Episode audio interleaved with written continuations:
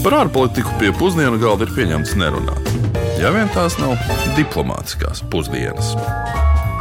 Labdien, diplomātsko pusdienu klausītāji! Šodien sāksim noteikti ar pateicību jums visiem par to, ka jūs esat mūsu klausītāji. Jūsu lokā nav tikai mūsu radi un draugi, bet arī tik daudz eh, interesantu un līdzjutēju no dažādiem eh, sabiedrības un profesionāliem slāņiem. Mums vienmēr no sirds priecē, ka jūs esat kopā ar mums nu jau gandrīz apaļs trīs gadus, un priecē saņemt arī jūsu komentārus un ieteikumus par raidījumos aplūkotajām valstīm.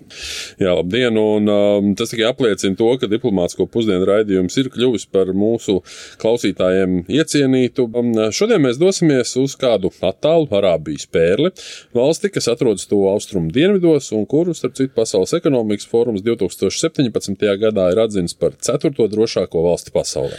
Un dosimies mēs uz Omānu, jeb oficiāli Omānas sultanātu, kas ir visai neliela valsts un kur no daudzām pusēm ieskauj jūras un klāj gan tūkstnes, gan arī diezgan izteikts kalnu virsotnes.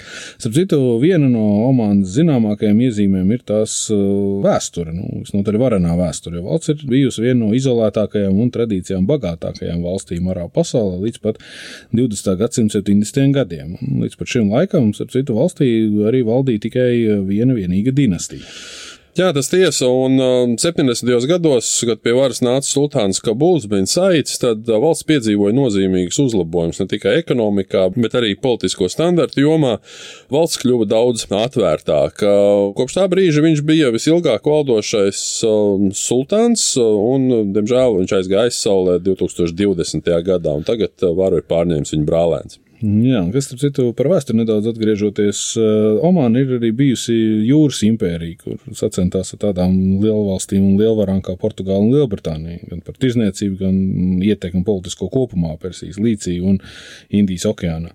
Un savos uh, auglīgākajos laikos, ja tā var izteikties, 19. gadsimta Omānas ietekme un kontrols sniedzās pāri visam Hormūžu šaurumam līdz mūsdienu Irānai un Pakistānai un pat līdz Delgado ragam.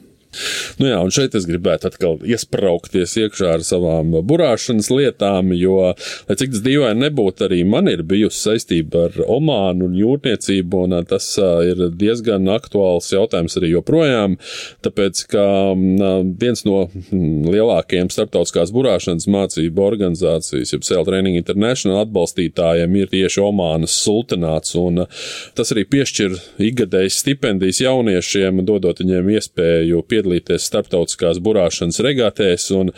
Omānai pašai ir eh, divi burinieki, saucās Šababa Oman. Vēl eh, sultānāts piešķir arī ikgadējo balvu, kas arī saucās eh, Sultāna Kabū trofeja, un tā tiek piešķirta gada labākajai burāšanas mācību organizācijai. Un, man ir bijis tas gods šo balvu saņemt 2017. gadā, kad es vadīju Latvijas burāšanas mācību asociāciju. Nē, es nezinu šobrīd, vai tevi apsveikt ar šo notikumu, vai tomēr aizrādīt, ka šis ļoti izklausās pēc Omānas Omānas īstenotās uh, publiskās diplomātijas, nu, respektīvi tāds ļoti spilgts piemērs pasaules viedokļu ietekmēšanai par to, cik jauka un pūkaina ir konkrētā valsts.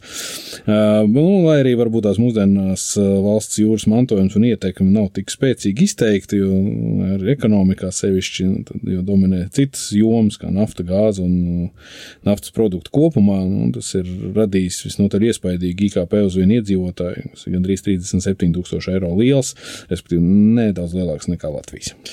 Bet tagad gan pajautāsim, ko mūsu Latvijas iedzīvotāji zinās par Omānu. Ar ko jums asociējas Omānas sultanāts? Omāna? Nu, neko daudz, iespējams, nafta varētu būt. Jā. Reliģiski noskaņota valsts varētu būt diezgan. Oi, pat neatceros, vai Afrikā vai Āzijā tas ir, kur tas ir. Atceros, bērnībā bija tāds pāzls ar 500 kaut kādiem karogiem, bet to Omānu karogu neatceros. Korupcija. Es lasās kaut kas Āfrika, kā tuvē austrumi, kaut kas tāds, bet nekas vajag vairāk. Omāna. Nu, izklausās pēc Āfrikas. Tas baigi nekas cits nav. Bet izklausās skaisti valsts, būšu godīgs. Omāna. Stāstot par vairāk nekā 5,4 miljonu cilvēku lielo valsti, šoreiz gribētos iepazīstināt nevis ar uh, valsts politiku, ekonomiku, bet gan tieši drošību. Un sākumā jau nedaudz minējām, ka valsts tiek saukta par ceturto drošāko pasaulē. Un, un tas ir interesanti, tad saskaņā ar globālo terorismu indeksu Omāna tiek uzskatīta arī par vienu no terorismu ziņā drošākajām valstīm Arābu pasaulē, un um, pēdējā ziņojumā viņi ir ierindota nu, gan arī saraksta pēdējā vietā ar nulli punktiem. Tas nozīmē, ka valstī ir vismazākais terorismu līmenis pasaulē. Jā, retais gadījums, ka nulli punkti ir pozitīva lieta. Um, Oman ir bijusi arī starptautiskās sabiedrības uh, līderpozīcijās terorismu un ekstrēmismu apkarošanā. Viņi spēlēs galveno lomu globālajā pretterorismu fórumā un globālajā koalīcijā pret uh, Daešu, uh, jeb tā saukto islāma valsts valsti. Citu valstī kopš 2015. gada ir diezgan dramatiski samazinājies ar terorismu saistīto nāves gadījumu skaits eh, par 93%. Nu, vienlaiks Oman arī ziņo par to, ka tā iestājas ne tikai pret terorismu kā vardarbības formu, bet pret vardarbību kopumā. Tomēr šai medaļai ir arī otra puse, un uh, jaunākie dati un ziņojumi liecina, ka Omānas policija, kas tieši atbild par terorismu apkarošanu, gan par valsts drošību, pati arvien biežāk izmanto vardarbību pret uh, dažādiem protestētājiem un aktīvistiem, un daudz pilsoņi ir tikuši pakļauti fiziskai, psiholoģiskai vardarbībai, apcietināšanai, spīdzināšanai, nu, kas dažos gadījumos ir izraisījusi arī mm, gan nopietnus uh, ievainojumus, gan arī nāvi. Nu, pēdējais visredzamākais policijas vardarbības gadījums notika 2021. gada jūnijā, kad galvaspilsētā Maskatā policija uzbruka protestētāju grupai.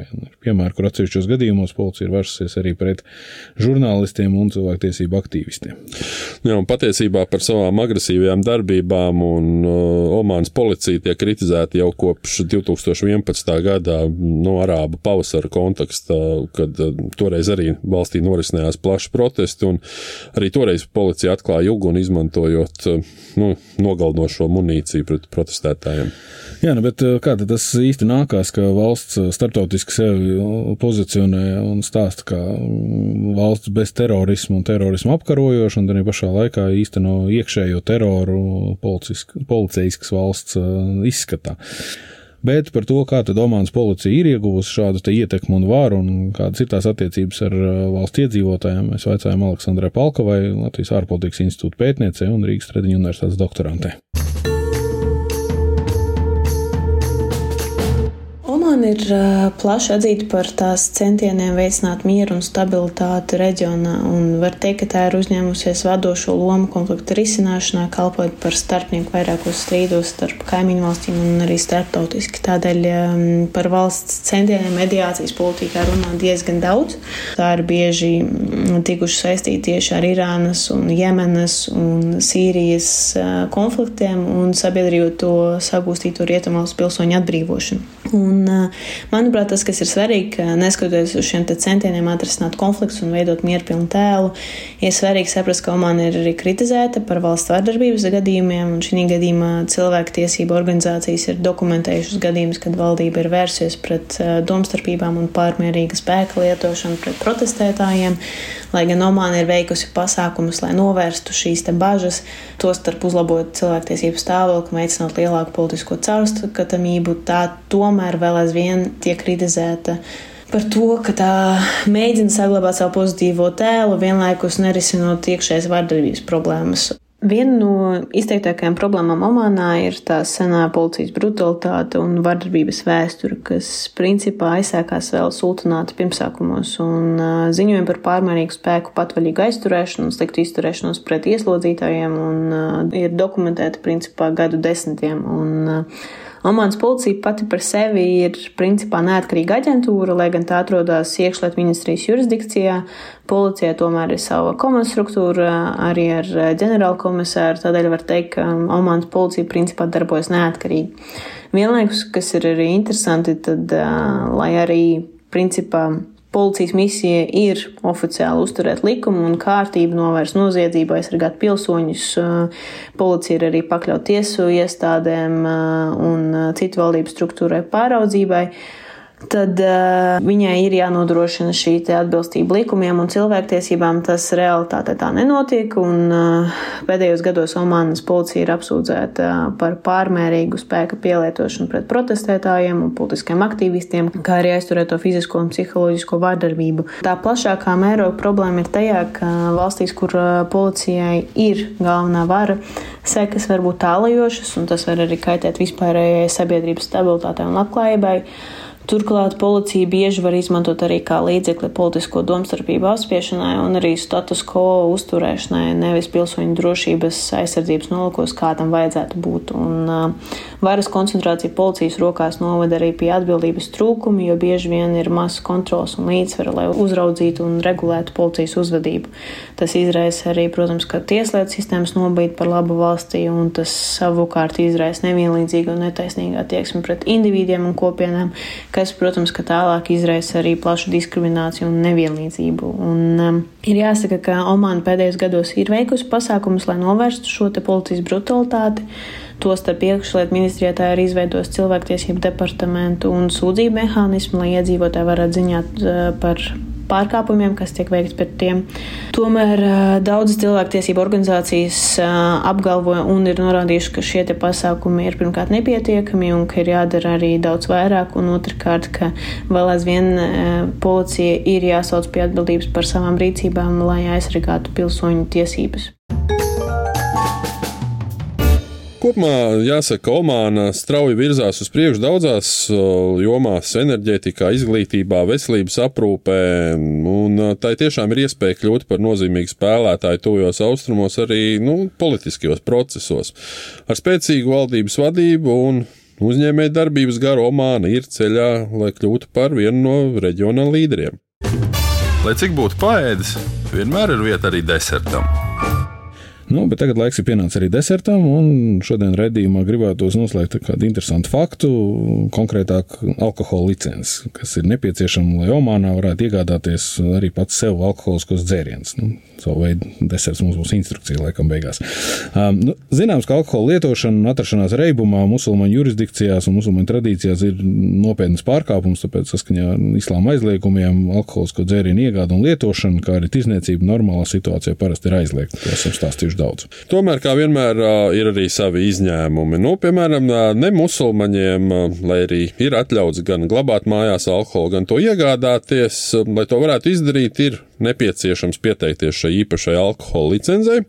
Tā paredz, ka pretendentam tātad pirmkārt jābūt ir nemusulmanim, Omānas iedzīvotājam un vismaz 21 gadu vecam. Nu, starp citu, alkohola daudzums, ko ir atļauts iegādāties pie mazumtirgotāja, arī ir ierobežots un saistīts ar algu. Nu, šajā gadījumā nemusulmaņi var tērēt tikai 10% no ikmēneša ienākumiem alkoholam. Šī gan ir interesanti. Jā, tā kā neatkarīgi vai turists vai emigrants, lai iegādātos alkoholu no minētiem piegādātājiem, tev ir jābūt licencei. Pat tad, kad grib nopirkt alkoholu lidostā. Nopirkt var 24 alus skārdenes vai divas vīnu un stipru alkoholu dzērienu pudeles. Nu jā, par pašu licenci runājot, es pieļauju, ka daudziem tas varētu būt visnotaļ interesanti. Personai ir jāiesniedz Omānas policijai rakstisks pieprasījums ar apliecinošiem dokumentiem alkoholisko dzērienu licencei. Tie ietver pases, fototēlus, pases un darba karti, darba līgumu un apliecību par algas apjomu ar vadības parakstu. Nu, viss pierakstīts. Šāda licence būs derīga divus gadus, un pēc diviem gadiem iesniedzot visus dokumentus, pa jaunam to varēs atjaunot. Pārgāja vēlme. Beigas čakars. un vēl kāda svarīga un interesanta nianse. Pieteikumu iesniedzējiem ir jāpārliecinās, ka telpas, kurās tiks glabāts vai arī tirgots alkohols, neatrodas tuvākā kilometra attālumā no mošejas. Nu, pretējā gadījumā licence netiek izsniegta, kā arī tiek piemērots sots. Jā, nu vispār sodi par alkohola lietošanu pārkāpumiem Omanā tirdzniecības iestādēs ir visnotaļ izplatīti un arī diezgan skarbi. Un tas sāks ar naudas sodu 5200 eiro apmērā par maziem pārkāpumiem. Un, nu, teicīgi, tas ir arī kā brīdinājums. Un, ja brīdinājums netiek ievērots, tad sako alkohola lietošanas licences atņemšanu uz trim mēnešiem un pat anulēšanu. Un, savukārt par alkohola pārdošanu bez licences var piemērot no sešiem mēnešiem līdz trīs gadiem cietumsodu un naudas sodu. Bet ar šo arī noslēgsim tomēr laikam šo raidījumu. Vēl tikai kārtīgi reizi izmantošu iespēju un atgādināšu jauniešiem, ka arī šogad Latvijas burāšanas mācību asociācija izsludinās pieteikšanos Omānas stipendijai, un varbūt kādam jaunietim tas palīdzēs iepazīt burāšanas pasauli arī ārpus Latvijas. Bet nākamnedēļ mēs dosimies uz Haiti Republiku. Un, kā vienmēr, atgādināšu, ka raidījums ir klausāms gan podkāstu formā, gan arī Latvijas radio mājaslapā, LSMLV, arī mobilajā aplikācijā. Un raidījumu veidoju es, Kārls Bukovskis, no Latvijas ārpolitikas institūta, un mans kolēģis Uģis Lībijs no Latvijas radio. Palīdzēja mums Rihards Plūme. Lai veiksmīga nedēļa! Uz sadzirdēšanos!